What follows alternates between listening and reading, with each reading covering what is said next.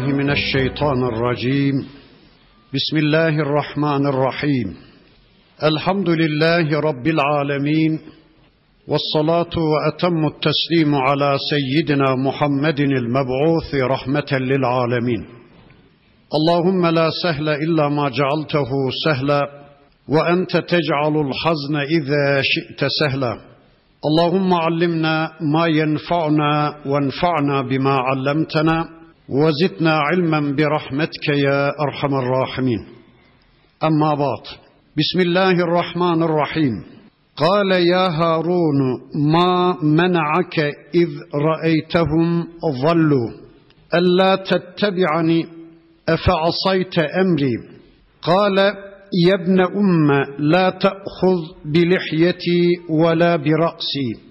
İnni haşitu en tekule ferrakte beyne beni İsrail ve lem tergub kavli ila ahiril ayat sadakallahul azim. Muhterem müminler birlikte Taha suresini tanımaya çalışıyoruz.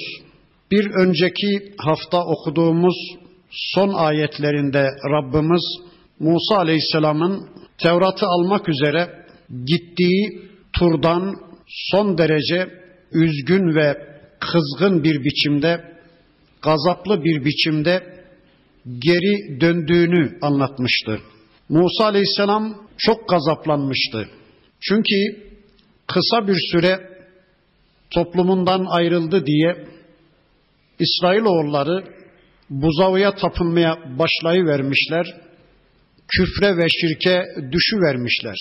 Bu neyin nesiydi? Çok kısa bir süre önce Kızıldeniz'in gözleri önünde yarıldığını, Allah'ın kendilerini sağ salim karşıya çıkardığını, düşmanları Firavun ve ordusunu Kızıldeniz'de boğduğunu, gark ettiğini gözleriyle görmüşlerdi çölde Allah'ın üzerlerine bir bulut gönderdiğini, bıldırcın eti kudret helvası indirdiğini, bir taştan buz gibi çölün ortasında 12 kaynak fışkırdığını, Allah'ın çölde kendilerini krallar gibi beslediğini gözleriyle görmüşlerdi. Kısa bir süre sonra bir de bakıyoruz ki İsrailoğulları birdenbire küfre dönüvermişler, şirke dönüvermişler. Musa aleyhisselam çok gazaplandı. Hatta Araf suresinin beyanıyla öyle gazaplandı ki Musa aleyhisselam elindeki Tevrat levhalarını yere atı verdi. Böyle bir ortamda elbette bir Müslüman gazaplanmalıydı. İnsanların şirke düştüklerini, insanların küfre düştüklerini gördüğü bir ortamda bir Müslüman elbette gazaplanmalıydı. Hatta böyle bir ortamda gazaplanmayan bir insanın imanından bile şüphe edilirdi. Sevgili Peygamberimiz kendisine hayırlı bir amel söylemesini isteyen bir sahabeye la tağzap buyurmuştu. Gazaplanma. Üç defa gazaplanma, gazaplanma, gazaplanma demişti Allah'ın Resulü kendi şahsına yapılan hiçbir davranışa gazaplanmayan Allah'ın Resulü İslam'a bir saldırı söz konusu olduğu zaman insanlar arasında bir bid'atin, bir küfrün ve şirkin açığa çıktığını gördüğü zaman öyle gazaplanırdı ki sevgili peygamberimiz sahabe-i kiram efendilerimiz diyor ki şuradan bir damarın şiştiğini görürdük ve zannederdik ki Allah'ın Resulü'nün gazabı bir daha dinmeyecek, öfkesi dinmeyecek. Öyle gazaplanırdı. İmam-ı Şafii Efendimiz der ki bir münker karşısında, bir haram karşısında, bir küfür ve şirk karşısında gazaplanmayan, kızmayan, öfkelenmeyen bir insan merkepten farksızdır diyor İmam-ı Şafii Efendimiz. Böyle bir ortamda Müslüman gazaplanır. Bir isyan gördüğü zaman Allah'a bir küfür ve isyan gördüğü zaman İslam'a, bir bid'at gördüğü zaman, bir şirk ile karşı karşıya kaldığı zaman bir Müslüman yerinde duramaz hale gelir. O küfrün, o şirkin beyninde patlayacak bir bombaya dönüşür, gazaplanır. Ben sevgili peygamberimizin hayatından birkaç örnek sunayım. Hazreti Enes Efendimiz der ki ben 10 yıl Peygamber Aleyhisselam'a hizmet ettim. Yaptığım bir şeyden dolayı bunu niye yaptın diye yapmayıp ihmal ettiğim bir şeyden dolayı da bunu niye yapmadın diye bir kerecik Allah'ın Resulü bana kızmadı, gazaplanmadı. Şahsına yönelik bir eylem karşısında asla gazaplanmayan sevgili peygamberimiz ama bir münker karşısında, bir günah karşısında, İslam'a gerçekleştirilen bir saldırı karşısında çok gazaplanırdı. Ona bir iki örnek vereyim. Bir gün Hazreti Ömer Efendimiz eline bir Tevrat nushası almış. Acaba Peygamber Aleyhisselam'ın ahir zaman nebisi olduğuna Tevrat'tan da delil bulabilir miyim? Acaba Kur'an'ın son kitabın gerçek hak bir kitap olduğuna Tevrat'tan bir delil bulabilir miyim endişesiyle Peygamber Aleyhisselam'ın da bulunduğu bir ortamda o Tevrat nushasını okumaya başlar. O okudukça Peygamber Aleyhisselam gazaplanır, Okudukça Peygamber aleyhisselam gazaplanır. Allah'ın Resulü kıpkırmızı terin içinde kalır ve boynundaki o mutat damar da şişmeye başlar. Sahabe Peygamber aleyhisselamın çok gazaplandığını görünce Ömer Efendimiz'i dürterler. Ey Ömer bırak şu Tevrat'ı okumayı. Peygamberi çok kızdırdın, çok gazaplandırdın derler. Hazreti Ömer Efendimiz başını kaldırıp peygamberimizin yüzüne bakar görür ki gerçekten Peygamber aleyhisselam çok gazaplanmış ve Ömer Efendimiz elindeki o Tevrat nusasını şöyle bir kenara atar ve der ki ey Allah'ın Resulü galiba beni yanlış anladınız. Vallahi ya Resulallah benim kalbimin, gönlümün şu Tevrat nusasına kaydığını filan sanma. Vallahi ben Rab olarak Allah'tan, din olarak İslam'dan, kitap olarak Kur'an'dan ve elçi olarak sizden razı oldum. Sakın ha şu Tevrat'ı okuyorum diye gönlümün buna kaydığını filan sanma ey Allah'ın Resulü deyince sevgili peygamberimizin gazabı bir anda dindi. Ömer Efendimiz Peygamber Aleyhisselam'ın gönlünü almayı başardı. Çünkü Kur'an'ın Tevrat'ın sağlamasına ihtiyacı yoktur. İslam'ın Yahudiliğin sağlamasına ihtiyacı yoktur. Kur'an'ın önüne hiçbir kitabın geçirilmesi caiz değildir. İslam peygamberinin önüne hiçbir önderin, hiçbir liderin, hiçbir şahsiyetin geçirilmesi mümkün değildir. İslam sisteminin önüne hiçbir sistemin geçirilmesi mümkün değildir. İşte Allah'ın Resulü çok gazaplandı. Peki şu soruyu sorayım. Acaba sevgili peygamberimiz bugün hayatta olsaydı şu Kur'an'ın önüne nice kitapların geçirildiğini bir görseydi, nice meclislerde Efendi Hazretleri dini Allah'tan daha güzel anlatır. Filan zat meramını Allah'tan daha güzel ortaya koyar. Önce o kitapları okuyalım diye nice toplantılarda, nice meclislerde Allah'ın kitabının önüne geçirdikleri, ellerinden ve dillerinden düşürmedikleri o kitapların bu kitabın önüne geçirildiğini bir görseydi Allah'ın Resulü nasıl gazaplanır, nasıl öfkelenirdi onu varın siz bir daha düşünün. Yine bir defasında Hendek Savaşı esnasında Mekke müşrikleri Müslümanların üzerine öyle saldırdılar ki sahabe-i kiram efendilerimiz, peygamber efendimiz de dahil ikindi namazını kılmaya fırsat bulamadılar. Belki ömründe ilk defa sevgili peygamberimiz bir lanet okudu, ağzından ilk defa bir lanet cümlesi çıktı. Son derece gazaplandı. Dedi ki ya Rabbi ümmetime ikindi namazı kılma fırsatı vermeyen şu kafirlerin kabirlerini, evlerini ateşle dolduruver diye Allah'a beddua etti. Şu anda Peygamber aleyhisselam hayatta olsaydı Müslümanlara ikindi namazı kılmaya fırsat vermeyen şu programlarını, şu dükkanlarını, şu filmleri, şu dizileri, şu oyunları, eğlenceleri görünce nasıl gazaplanırdı? Allah için onu bir daha düşünün. Yine bir defasında Medine'de Müslüman bir kadının başörtüsüne el uzatan bir Yahudinin karşısında Allah'ın Resulü öyle gazaplandı ki Yahudilerle savaşıncaya kadar onları Medine'den sürünceye kadar Allah'ın Resulünün gazabı dinmedi.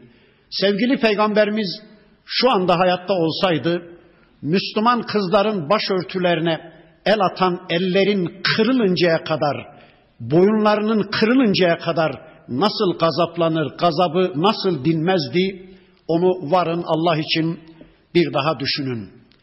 Şuradan girdim buraya, Musa aleyhisselam çok gazaplandı.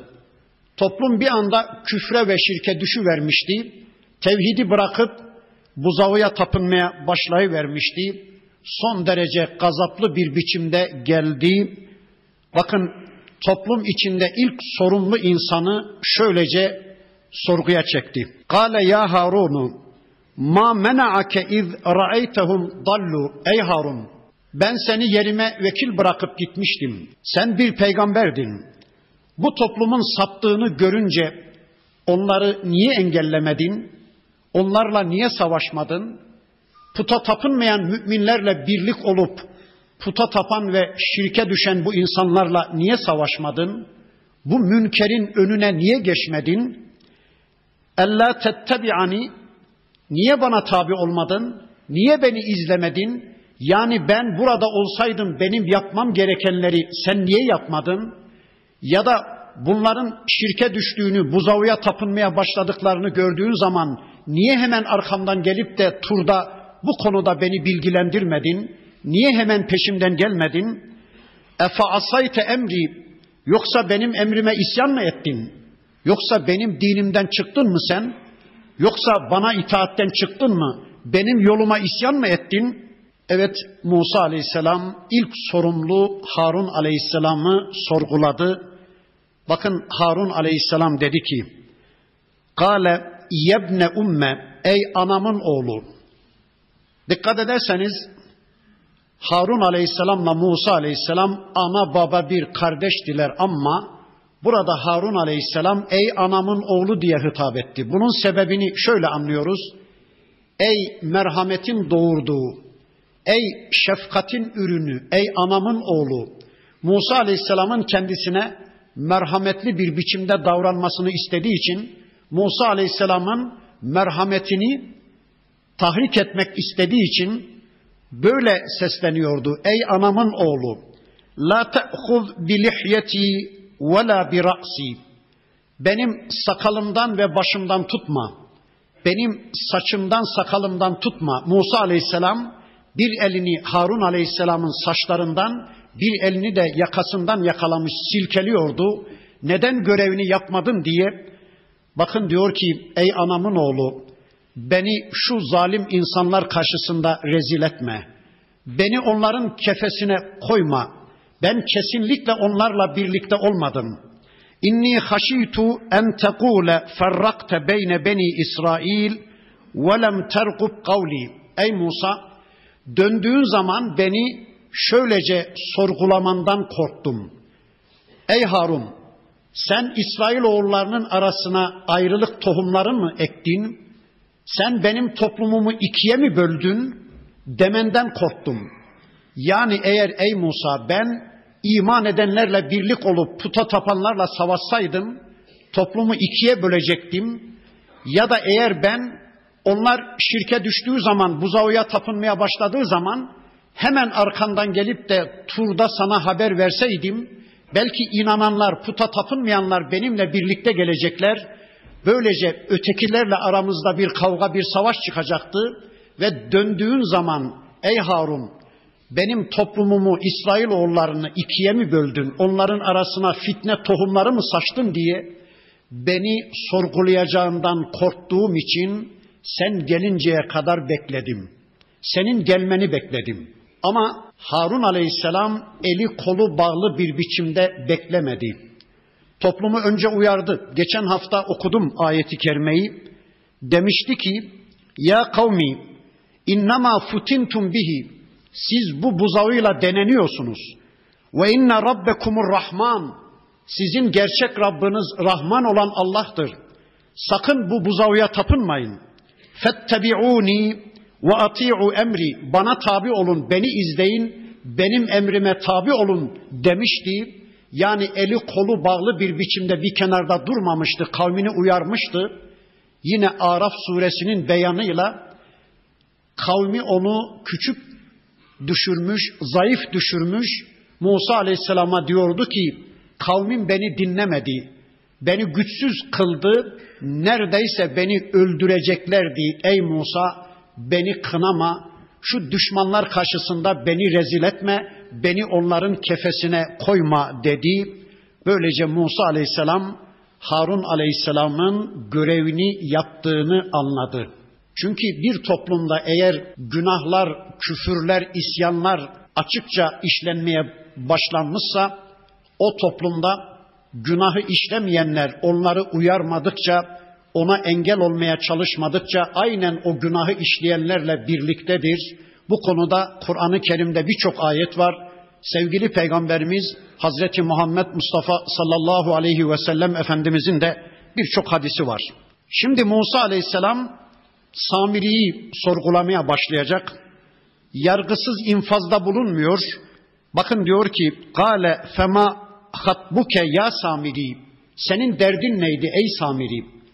Sen ne yapmak istiyordun? Bu buzağıyı nereden çıkardın? Ne yapmak istedin? Derdin neydi senin ey Samiri?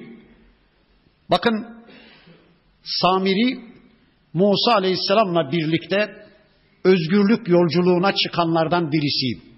Kimi rivayetlere göre İsrailoğullarından yani Müslümanlardan birisi, kimi rivayetlere göre Kıptilerden yani Firavun oğullarından birisi ama iman etmiş birisi, tercihini peygamberden yana kullanmış, Mısır'ı terk etmiş, Peygamber aleyhisselam Musa aleyhisselamla birlikte özgürlük yolculuğuna çıkanlardan birisi ama kalbinde bir takım yamukluklar var ki bir boşluktan istifade ederek Musa Aleyhisselam'ın yokluğundan istifade ederek küfrü ve şirki hemen açığa çıkarıveren birisi. Musa Aleyhisselam senin derdin neydi ey Samiri? Nedir bu deyince bakın dedi ki Kale basurtu bima lem yapsuru bihi. Ey Musa ben İsrailoğullarının görmediği bir gerçeği gördüm. Neymiş o? Fekabaztu kabzaten min eseri rasul. Elçinin ayak bastığı yerden bir avuç toprak aldım. Fennebeztuha o toprağı şu altınları, gümüşleri eritmek için içine attığımız kazanın içine o bir avuç toprağı attım. Ve kezalike sevvelet li nefsi nefsim böyle bir şeyi bana empoze etti. Nefsim böyle bir şeyi bana makul ve mantıklı gösterdi cazip gösterdi ve ben bu işi yaptım. Ne demek istiyordu? Bakın diyor ki ey Musa ben kavmin İsrailoğullarının görmediği bir şeyi gördüm. Ne görmüş? Kendi cerbezesine göre, kendi iddiasına göre tabi dediklerinin tümü yalan. Ben diyor Cebrail'i gördüm. Cebrail atıyla birlikte gelmişti. Cebrail'in atının ayak bastığı yerden bir avuç toprak aldım altınları, gümüşleri eritmek için o kurduğumuz kazanın içine attım. Ya da buradaki elçiden kasıt Musa Aleyhisselam'dır. Diyor ki Samiri, ey Musa ben senin ayak bastığın yerden bir avuç toprak aldım, onu kazanın içine attım. Böylece bu put işte böyle kutsal bir biçimde bir peygamberin ayağının tozundan ya da Cebrail'in atının ayağının tozundan oluşmuş bir puttur, bir heykeldir. Yalanın daniskası. Yani şirke kutsiyet izafe etmeye çalışıyor. Puta kutsiyet izafe etmeye çalışıyor. Yani ey Musa bu put senin ayağının tozuyla oluştu ya da Cebrail'in atının ayağının tozuyla oluştu filan demeye çalışıyor. Böylece küfrüne ve şirkine masumiyet kazandırmaya çalışıyor, kutsiyet kazandırmaya çalışıyor. Zaten bütün müşrikler, bütün kafirler ortaya koydukları eserlerine yani putlarına ve şirklerine hep böyle kutsiyet kazandırmak istemişler. Çünkü onları İslam'la özdeşleştirmeyince, vahiy ile özdeşleştirmeyince kimse sahiplenmeyecek, kimse o putun peşinde gitmeyecek. Onun için yarı hak, yarı batıl, yarı rahmani, yarı şeytani biraz ayet ve hadis karıştırırlar. Biraz İslam'dan, dinden bir şeyler karıştırırlar. Böylece put hüsnü kabul görsün, put kabul görsün diye.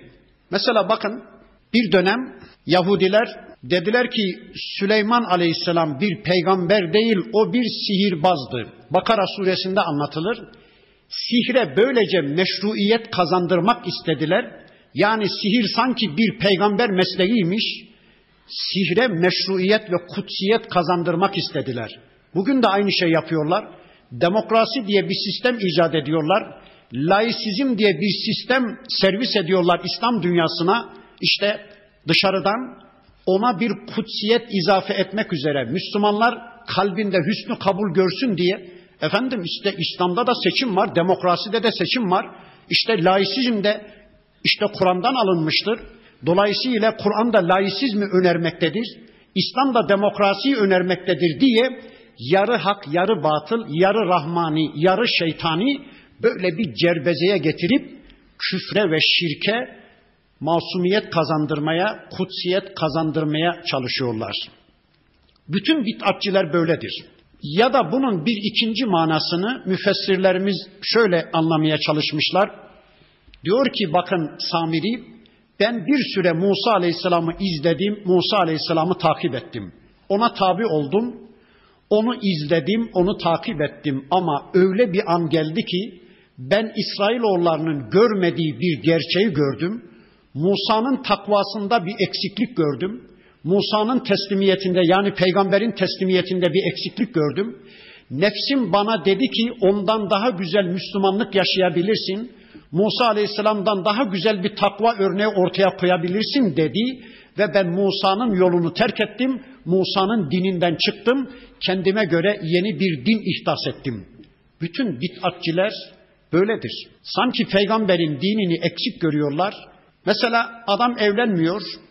Evlenme işine de bir kısım meşruiyet izafe etmeye kalkıyor. Yahu diyor benim vaktim mi var evlenmeye? Ben bütün zamanımı Allah'a kulluğa ayırmışım. Benim çoluk çocukla, kadın kızla ilgilenecek vaktim yok diyor. Peki peygamberimiz ne diyor? Diyor ki en nikahu min sünneti. Nikah benim sünnetimdir. Femen ragibe ragime an sünneti feleyse minni. Kim ki benim sünnetimden iraz etmiş o benden değildir. Bitti. Yani peygamberi sollayarak bir takva ortaya konur mu? Kesinlikle. Peygamberin ötesinde bir kulluk, bir takva örneği olur mu? Kesinlikle. Adam diyor ki Peygamber Efendimiz zamanında da bunu yapanlar olmuş. Ben demiş gece sabaha kadar yatmayacağım. Bir başkası demiş ki ben hiç evlenmeyeceğim. Bir başkası demiş ki ben hiç iftar etmeyeceğim. Her gün oruç tutacağım. Ya Peygamber Aleyhisselam böyle bir şey yapmamışsa, dinde böyle bir şey yoksa bir insan peygamberi sollayarak bir bit'ate düşerek takva sergileyebilir mi? Allah böyle bir kulluğu ister mi? Kesinlikle. İşte bakın Samiri böylece kendini savunmaya çalıştı. Peki Musa aleyhisselam ne dedi? Gale fezheb hadi defol git, yıkıl git. İnne leke fil hayati en tekule la misas.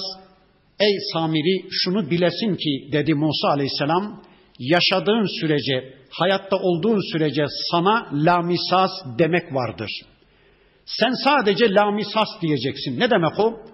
Şöyle elini üst dudağının üzerine koyarak yaklaşmayın, yaklaşmayın, pislik, pislik, hastalık, hastalık, murdarlık, murdarlık, aman dokunmayın, aman bana yaklaşmayın demek vardır. Allah korusun, Samiri ömrünün sonuna kadar bir sürgün hayatı yaşamış, Tıpkı cüzzamlı birisinin aman bana dokunmayın, aman bana yaklaşmayın, bende cüzzam var, size de bulaşmasın diye etrafındaki insanları uyardığı gibi bu da lamisas, lamisas demiş. Aman yaklaşmayın, pislik, pislik, murdarlık, murdarlık, yara, yara, hastalık, hastalık, bulaşıcı, bulaşıcı diye insanları uyarmış. Kimse ona sokulamamış, o kimseye yaklaşamamış. Böyle bir sürgün hayatı yaşayıp geberip gitmiş. Ama bu onun dünyadaki azabıydı. Bakın Musa Aleyhisselam diyor ki: "Ve inne leke mev'iden len tuhlefahu." Bu senin dünyadaki azabın ey Samiri. Bir de öbür tarafta asla kurtulamayacağım, asla kaçamayacağım bir azap var ki, bir cehennem ateşi var ki o dünyadakinden çok daha şedittir, çok daha dayanılmazdır. Vanzur ila ilahikellezi zalta aleyhi akifa. Şimdi ey Samiri şu önünde eğildiğin heykeline bir bak bakalım. Şu önünde saygıyla eğildiğin, secdelere kapandığın, tapındığın şu buzağı heykeline bir bak. Lenuharrikannehu biz onu senin gözüğün önünde yakacağız. Sümme lenensifennehu fil yem fil yemmi nesfa sonra onu denize atacağız. Gözünün önünde Musa Aleyhisselam o buzağı heykelini yaktı, bakiyesini, külünü, kalıntılarını denize attı. Bununla Samiriye şunu anlatıyordu. Hem Samiriye hem de onun şirkinin peşine düşüveren İsrailoğullarına şunu anlatıyordu. Bir bakın bakalım. Hani Tanrı'ydı bu. Kendisinin yakılmasına bile engel olamadı. Denize atılmasına bile engel olamadı. Böyle Tanrı olur mu? dedi Musa Aleyhisselam. Böylece İsrailoğullarının Mısır'dan taşıyıp getirdikleri küfürlerini ve şirklerini açığa çıkarıverdi Rabbimiz. Kalplerinde altın sevgisi vardı. Kalplerinde mal mülk sevgisi vardı. Kalplerinde Mısır'dan taşıyıp getirdikleri inek sevgisi, buzağı sevgisi vardı. İşte Allah onları böylece açığa çıkardı. Onların tamamını Musa Aleyhisselam denize attı. Artık mal mülk derdiniz olmayacak. Artık buzağı derdiniz olmayacak diye onların bütün pisliklerini temizledi Musa Aleyhisselam ve onları arındırdı. Ama Kur'an'ın Bakara suresinin beyanıyla tevbeleri de onların gerçekten çok zor oldu, ağır oldu. Bakara suresinin beyanıyla Allah dedi ki faktulu enfusekum birbirinizi öldürün dedi Rabbimiz. Yani puta tapmayanlar puta tapanları öldürsün dedi ki bu toplumsal bir kısastı, toplumsal bir arınmaydı. Aldı kılıçlarını ellerine şirke düşmeyenler babalarını, analarını, kocalarını, hanımlarını, çocuklarını şirke ve putperestliğe düşenleri ikindiye kadar öldürdüler. Üzerlerine simsiyah bir bulut geldi. Musa aleyhisselam hadi bunları öldürün dedi. Öldürdüler. Böylece öldürülenler şer'i ukubat uygulandığı için, şer'i cezalarını çektikleri için çünkü mürtettin cezası ölümdür İslam toplumunda onlar arındılar, cennete gittiler. O şirke tapınmanın günahından arındılar. Öldürenler de bir acı tattılar. Çünkü ölmek ne kadar acıysa babasını, anasını, kocasını, karısını öldürmek de o kadar zor ve acıydı. Bunlara da böyle bir acıyı tattırdı Allah. Niye?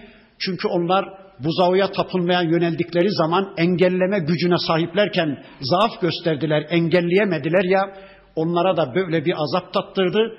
Böylece toplumsal bir kısasla her iki tarafın da Rabbimiz arınmasını sağladı. Artık Mısır'dan getirdikleri her şey bitirildi. Sadece Mısır'ı kendilerine hatırlatacak üzerlerindeki elbiselerinden başka ne gözlerinde, ne zihinlerinde, ne kalplerinde Allah hiçbir şey bırakmadı. Ondan sonra İsrailoğulları yeryüzünde gerçekten Müslümanca bir hayata yönelecekler. Bakın dedi ki Musa aleyhisselam innema ilahukumullah sizin ilahınız Allah'tır.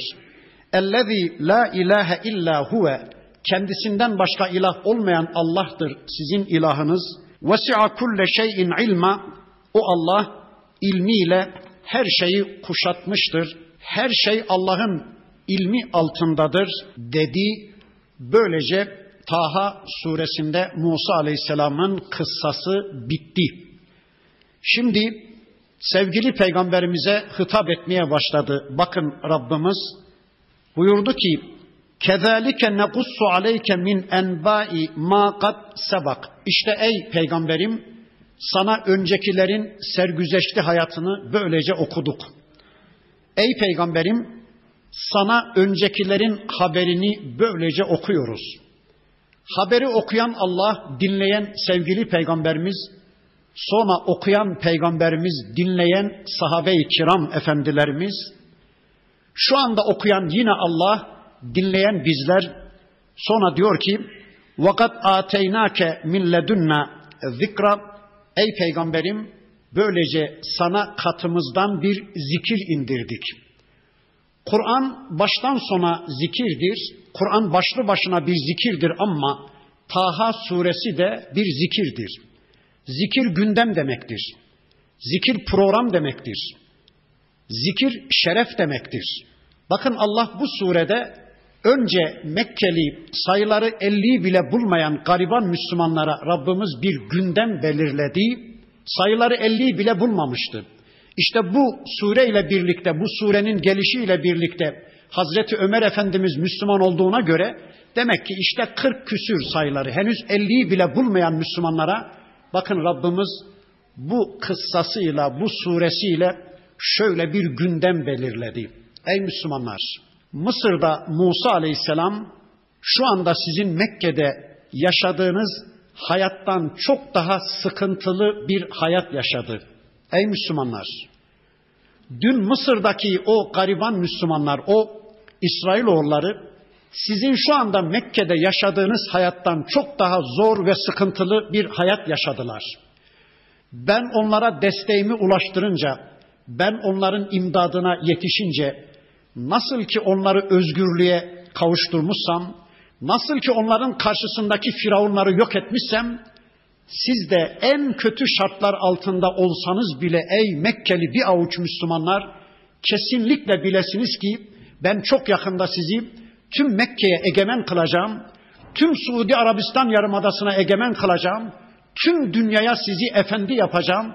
Bu konuda zerre kadar bir endişeniz olmasın diye bakın Rabbimiz Mekkeli gariban Müslümanlara bu suresiyle bir gündem belirledi. Şu anda 20. asrın biz gariban Müslümanlarına da aynı şeyleri söyledi. Şartlarınız ne olursa olsun sizden bir tek şey istiyorum. Benim zikrimi kapatmayın. Benim size indirdiğim bu ayetleri kapatarak bir hayat yaşamayın. Gece gündüz benim zikrimle, benim şerefimle meşgul olun. Benim size gönderdiğim bu ayetleri okumak, öğrenmek, anlamak, hayata aktarmak üzere bir kavganın içinde olun. Kesinlikle bunun dışında ben sizden başka bir şey istemiyorum. Bilesiniz ki ben sizi yeryüzünün efendisi yapacağım. Tüm yeryüzüne yakın bir tarihte ben sizi egemen yapacağım diye Rabbimiz bakın bu suresinde bize bir zikrada bulundu, bize bir gündem belirledi. Men arada anhu kim ki bu zikirden uzak düşerse, kim ki Kur'an'ı kapatıp bir hayat yaşarsa, kim ki bu zikirden Taha suresinden uzak bir hayat yaşarsa, kim ki Musa aleyhisselamdan uzak bir hayat yaşarsa, kim ki Muhammed aleyhisselamın sünnetinden uzak bir hayat yaşarsa, فَاِنَّهُ يَحْمِلُ يَوْمَ الْقِيَامَةِ وِزْرًا Kesinlikle bilsin ki o kıyamet günü sırtına çok kötü bir yük yükleniyor. Allahu Ekber. Halidine fihi kıyamet günü, ahiret günü sürekli o yükün altında ezilecektir. Sürekli o yükün azabının altında kalacaktır. Allah Allah. Ve sa'alehum yevmel kıyameti himla. Söyleyin Allah aşkına. Kıyamet günü için yüklenilmiş ne kötü bir yüktür bu. Bundan daha kötü bir yük olur mu? Söyleyin. Allah'tan uzak kalmak kadar kötü bir vebal bir yük olabilir mi? Allah'ın kitabını kapatarak bir hayat yaşamaktan, yani Allah'ın bize indirdiği bu ayetlerden uzak bir hayat yaşamaktan daha büyük bir suç, daha büyük bir vebal olur mu? O zaman şu cümleyi ağır ağır inşallah söyleyeyim. Allah'tan uzaklaşanlar, Allah'a kulluktan uzaklaşanlar kesinlikle bilsinler ki tağutların kucağına düşmek zorunda kalacaklar. Nefsin ve şeytanın kucağına düşmek zorunda kalacaklar. Birilerinin kulu ve kölesi olmaya mahkum olacaklardır. Allah'ın kitabından uzak bir hayat yaşayanlar, başkalarının kitabının kulu kölesi olmaya mahkum olacaklardır. Allah'ın sisteminden uzak bir hayat yaşayanlar, başkalarının sistemlerinin kulu kölesi olmaya mahkum olacaklardır. Allah'ın zikrinden, Allah'ın şerefinden mahrum olanlar izzet ve şereflerini kaybedip alçaldıkça alçalacaklar, küçüldükçe küçülmeye mahkum olacaklardır. İşte Rabbimiz bu ayetlerinde bize bunu anlatıyor. Ama şunu söyleyeyim, bu Kur'an'dan uzak kalan, Musa Aleyhisselam'dan, Muhammed Aleyhisselam'dan, Allah'ın yasal örneklerinden uzak bir hayat yaşayanlar belki bu dünyada mal mülk sahibi olabilirler. Ekonomik ve siyasal gücün sahibi olabilirler. Devletleri, imkanları, fırsatları, saltanatları olabilir. Ama bundan sonrasına dikkat edin. Yevme yunfehu fissur. Bir gün gelir ki sura üfürülür. Ve nahşurul mücrimine yevme izin zurqa. O gün biz mücrimleri, o gün biz suçluları, günahkarları gözleri morarmış bir biçimde haşrederiz, toplarız. Evet, bir gün gelir ki mal da bitmiş, mülk de bitmiş, altın da bitmiş, gümüş de bitmiş, devlet de bitmiş, iktidar da bitmiş, saltanat da bitmiş, imkanlar, fırsatlar da bitmiş, insan da bitmiş, cin de bitmiş, hepsi bitmiş. Herkes Allah'ın huzurunda toplanmış. Bakın diyor ki Rabbimiz, yetehafetune beynehum onlar kendi aralarında o günahkarlar, o mücrimler kendi aralarında fısıltıyla kısık bir sesle şöyle konuşurlar. İn lebistüm illa aşra. Herhalde dünyada on kaldınız değil mi? On kaldınız değil mi? On gün mü demek istiyorlar? On ay mı? On yıl mı? Belli değil. Ne dediklerini bilmiyorlar. Herhalde dünyada on kaldınız değil mi? Bakın Allah diyor ki Nahnu a'lemu bima yekulun. Onların ne dediklerini en iyi biz biliriz. İz yekulu emseluhum tarikaten yolca, tarikatça onların en akıllıları der ki in lebistum illa yevma kesin tartışmayı siz dünyada bir gün kaldınız derler. Bir gün kaldınız. Ya mezarlarınızda ölümlerinizden sonra dirilişe kadar, kıyamete kadar bir gün kaldınız anlamına ya da dünyada bir gün yaşadınız, bir gün eğlendiniz anlamına bir ifade. Kur'an-ı Kerim'de bu kavram sıkça gelir. Mesela Müminun suresinde, başka surelerde Allah soruyor. Ne kadar kaldınız dünyada? Kıyamet günü insanlara soruyor Rabbimiz. Ne kadar kaldınız dünyada? Diyorlar ki lebithna yevmen ev ba'da yevmin. Bir gün ya da bir günden biraz daha az kaldık derler. Bir başka yerde biz dünyada sadece bir gün kaldık diye yemin ederler. İsterseniz sayanlara sorun derler. Bütün bunlardan ne anlıyoruz? Şunu anlıyoruz. Ahiretin yanında dünya sadece bir gündür. Yani milyarlarca değil, trilyarlarca değil, sonsuza dek sürecek bir ahiret hayatının yanında dünya sadece bir gün. Peki o zalimlere şu soruyu sorsak olmaz mı? Ey akılsızlar, ey kafirler, ey zalimler. Bir gün için mi bu kadar telaştaydınız? Bir günlük rızkı bulamadınız da onun için mi haramlara uzanıyordunuz? Bir günlük rızkı bulamadınız da onun için mi zalim oluyordunuz? Bir günlük rızkı yani karınlarınızı doyuramadınız da onun için mi zalimlere boyun büküyor, onların egemenliği altında bir hayata sabrediyordunuz? Neydir derdiniz? Bir gün değil miydi? Yani bir gün için mi ebedi hayatı berbat ettiniz? Bir gün için mi cenneti tepi verdiniz? Maalesef insanlar bırakın bir günü bir saatlik zevki için bazen cenneti tepi verirler.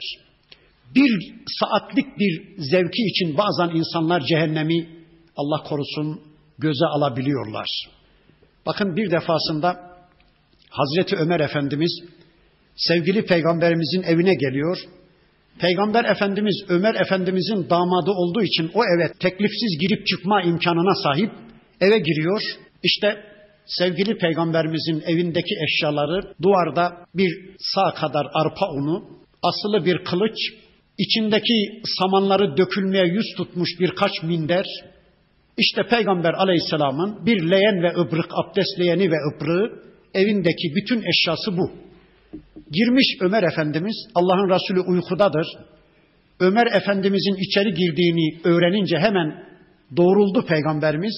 Ama yüzünde hasırın izleri ya da yattığı o saman doldurulmuş sert çuvalın izleri, samanların izleri yüzüne çıkmış Peygamberimizin ve Ömer Efendimiz ağlamaya başlıyor.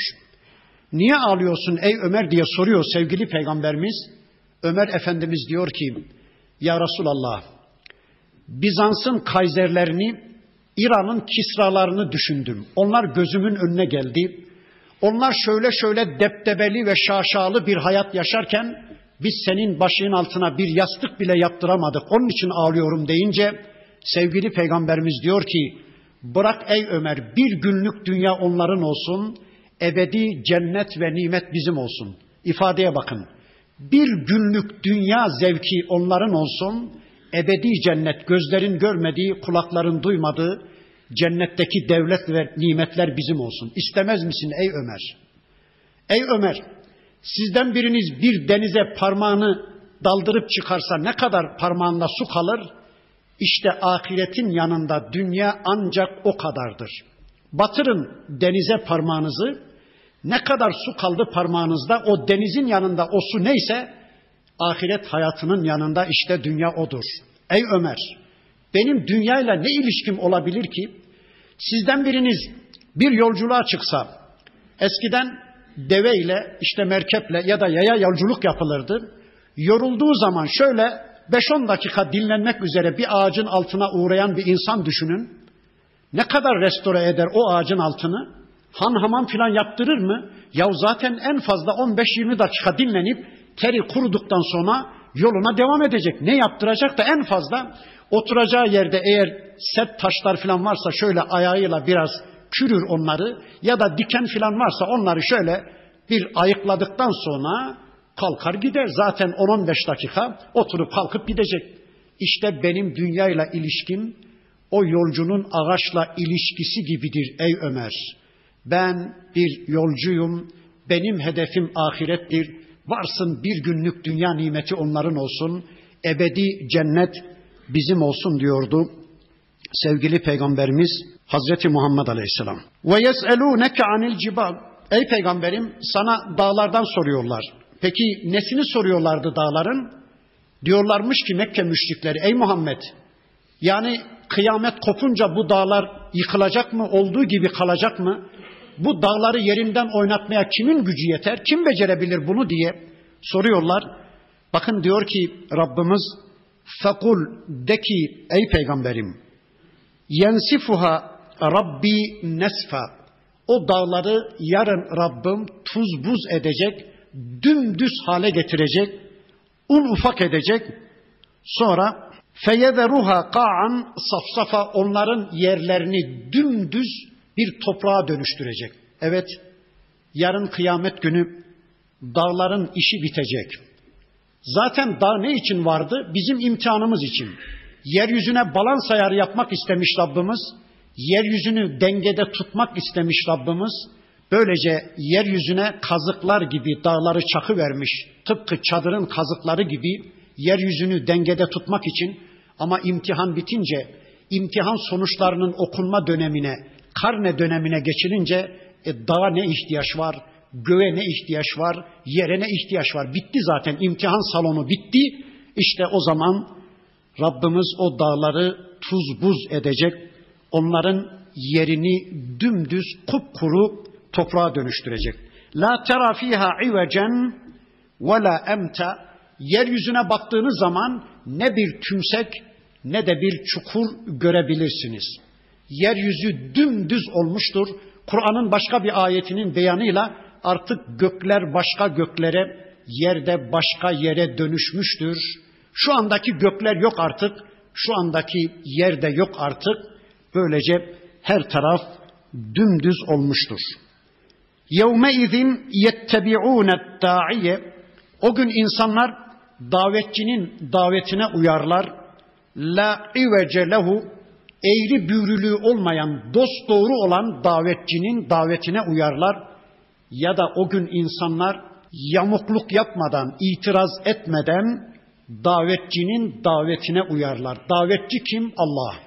Kalkın mezarlarınızdan ve hesap kitap için gelin huzuruma dediği anda bütün insanlar Allah'ın davetine icabet ederler. Kimse itiraz edemez. Ya şurada rahatımız yerindeydi. Biz kalkmak istemiyorduk. Biz hesap kitap görmek istemiyorduk deme hakkına sahip değil. Onlar bitti, onlar dünyada idi.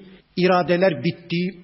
Artık herkes davetçinin davetine icabet eder ve haşaatil asvatu lirrahman ve Rahman'ın huzurunda sesler de kesilmiştir. Allahu Ekber. Rahman'ın huzurunda sesler, soluklar kesilmiştir. Kimse konuşamıyor. Kimsenin ağzını bıçak açmıyor. Kimin haddine konuşmak?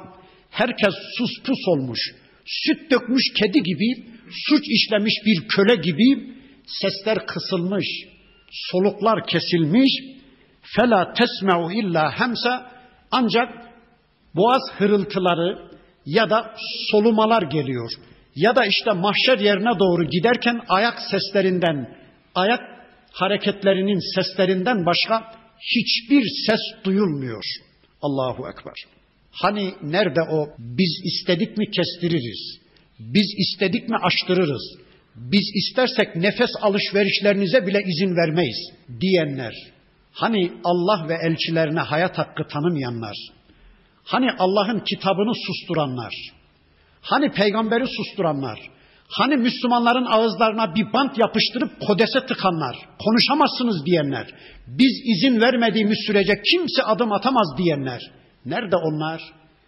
Hepsi sus pus olmuş. Hepsinin başları önlerine düşmüş. Boğaz hırıltılarından başka bir ses duyulmuyor. Ya da mahşer yerine giderken ayak seslerinden başka hiçbir şey duyulmuyor. Devlet de bitmiş, iktidar da bitmiş, krallık da bitmiş, tanrılık da bitmiş, kulluk da bitmiş ve herkes Allah'ın huzurunda sesleri, solukları kesilmiş. Yevmeizin la tenfa'u şefaatu o gün şefaat de kimseye fayda vermez. Kimse kimseye şefaatte bulunamaz. Kimse kimseyi kayıramaz. Kimse kimseye yardım edemez. Kimse kimseye sıcak bir kucak açamaz. Hatta kimse kimsenin halini hatırını bile soramaz. Ya hanım bir derdin mi var? Efendi bir isteğin mi var? Oğlum bir başında sıkıntı mı var? Kızım bir derdin bir telaşın mı var? Bir istediğin var mı diye kimse kimseye bir şey soramaz. Kimse kimseye bir şey sağlayamaz. Kimse kimseye iltimasta bulunamaz. Kimse kimseye şefaatte bulunamaz. İlla ancak men edine lehur rahman. Rahman olan Allah'ın izin verdikleri ve radiye lehu kavla sözlerinden razı oldukları bunun dışındadır.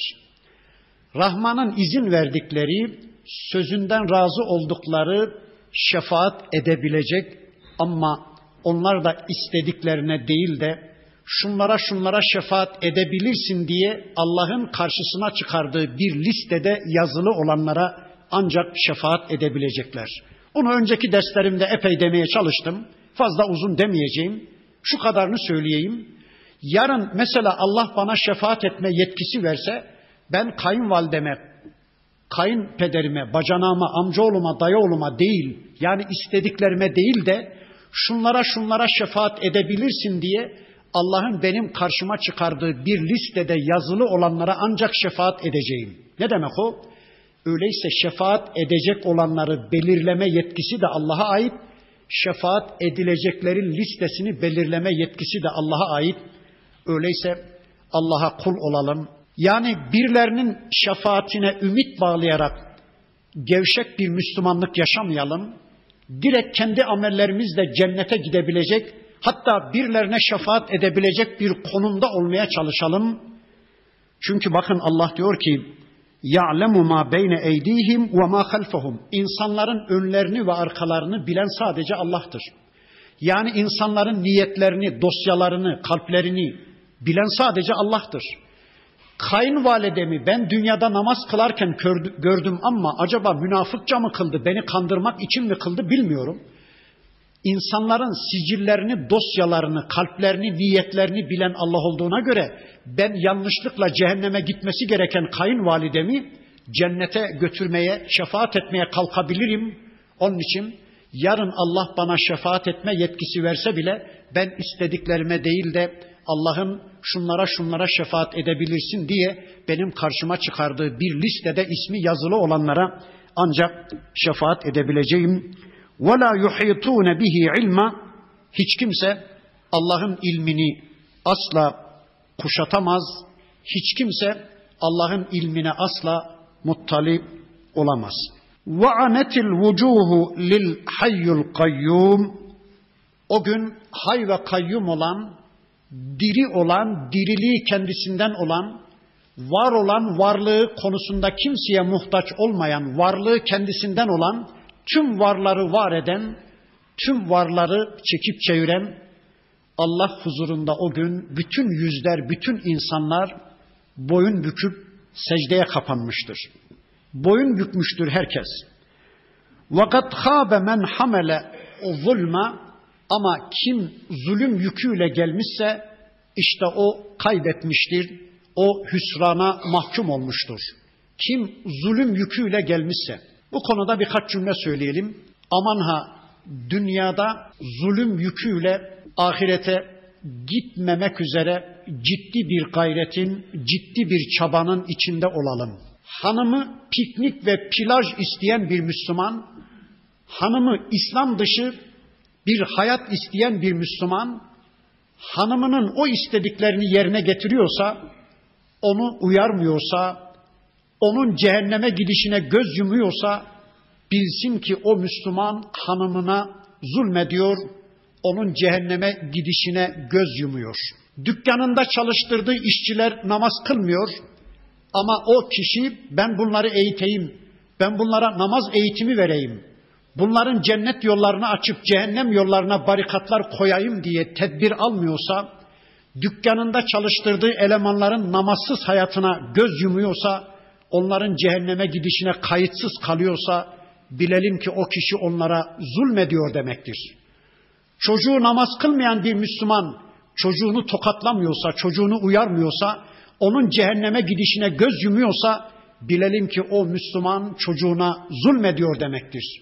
Ortağı namaz kılmayan bir Müslüman ya da komşusu içki içen, komşusu namaz kılmayan bir Müslüman komşusunu namaza davet etmek üzere, komşusunu cennete kazandırmak üzere ciddi bir çabanın içine girmiyorsa, onun cehenneme gidişine göz yumuyorsa bilelim ki o Müslüman komşusuna zulmediyor, ortağına zulmediyor demektir. Eğer bir ülkede hırsızlık yapanın eli kesilmiyorsa, onun günahı dünyada bitirilip de cennete gitmesi sağlanamıyorsa, bilelim ki o toplumda hırsızlara zulmediliyor demektir.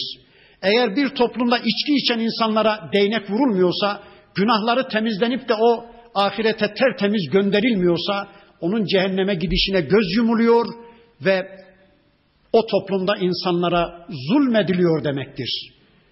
Kendisini dinleyen cemaate onların muhtaç olduğu gerçek İslam'ı anlatmayıp da uçtu kaçtı hikayelerle onları oyalayan hoca bilelim ki cemaatine zulmediyor demektir. Zulüm çok geniş bir kavram, çok genel bir kavram.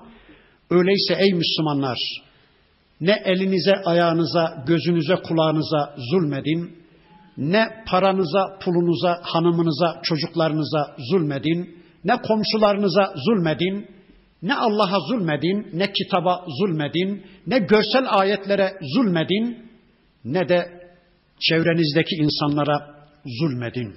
Zulüm yüküyle gelmeyin. Kul hakkıyla gelmeyin. Kim zulüm yüküyle gelmişse o gerçekten kaybetmiştir. Ama وَمَنْ يَعْمَلْ مِنَ الصَّالِحَاتِ kim de salih amel işlemişse, kim fıtratına uygun ameller işlemişse, kim Allah'la barışık bir hayat yaşamışsa ama bir tek şartı var. Ve huve mu'minun mümin olduğu müddetçe, mümin olduğu halde. Bakın iman sermayedir. Eğer bir insanda iman yoksa, mümin değilse, dağlar kadar da salih amel getirse, onun zerre kadar ona bir faydası olmayacaktır. İşte Edison elektriği bulmuş, işte şu anda onun ışığı altında tefsir okuyoruz. Kur'an öğrenmeye çalışıyoruz. Evlerimizde onun ışığı altında namaz kılıyoruz.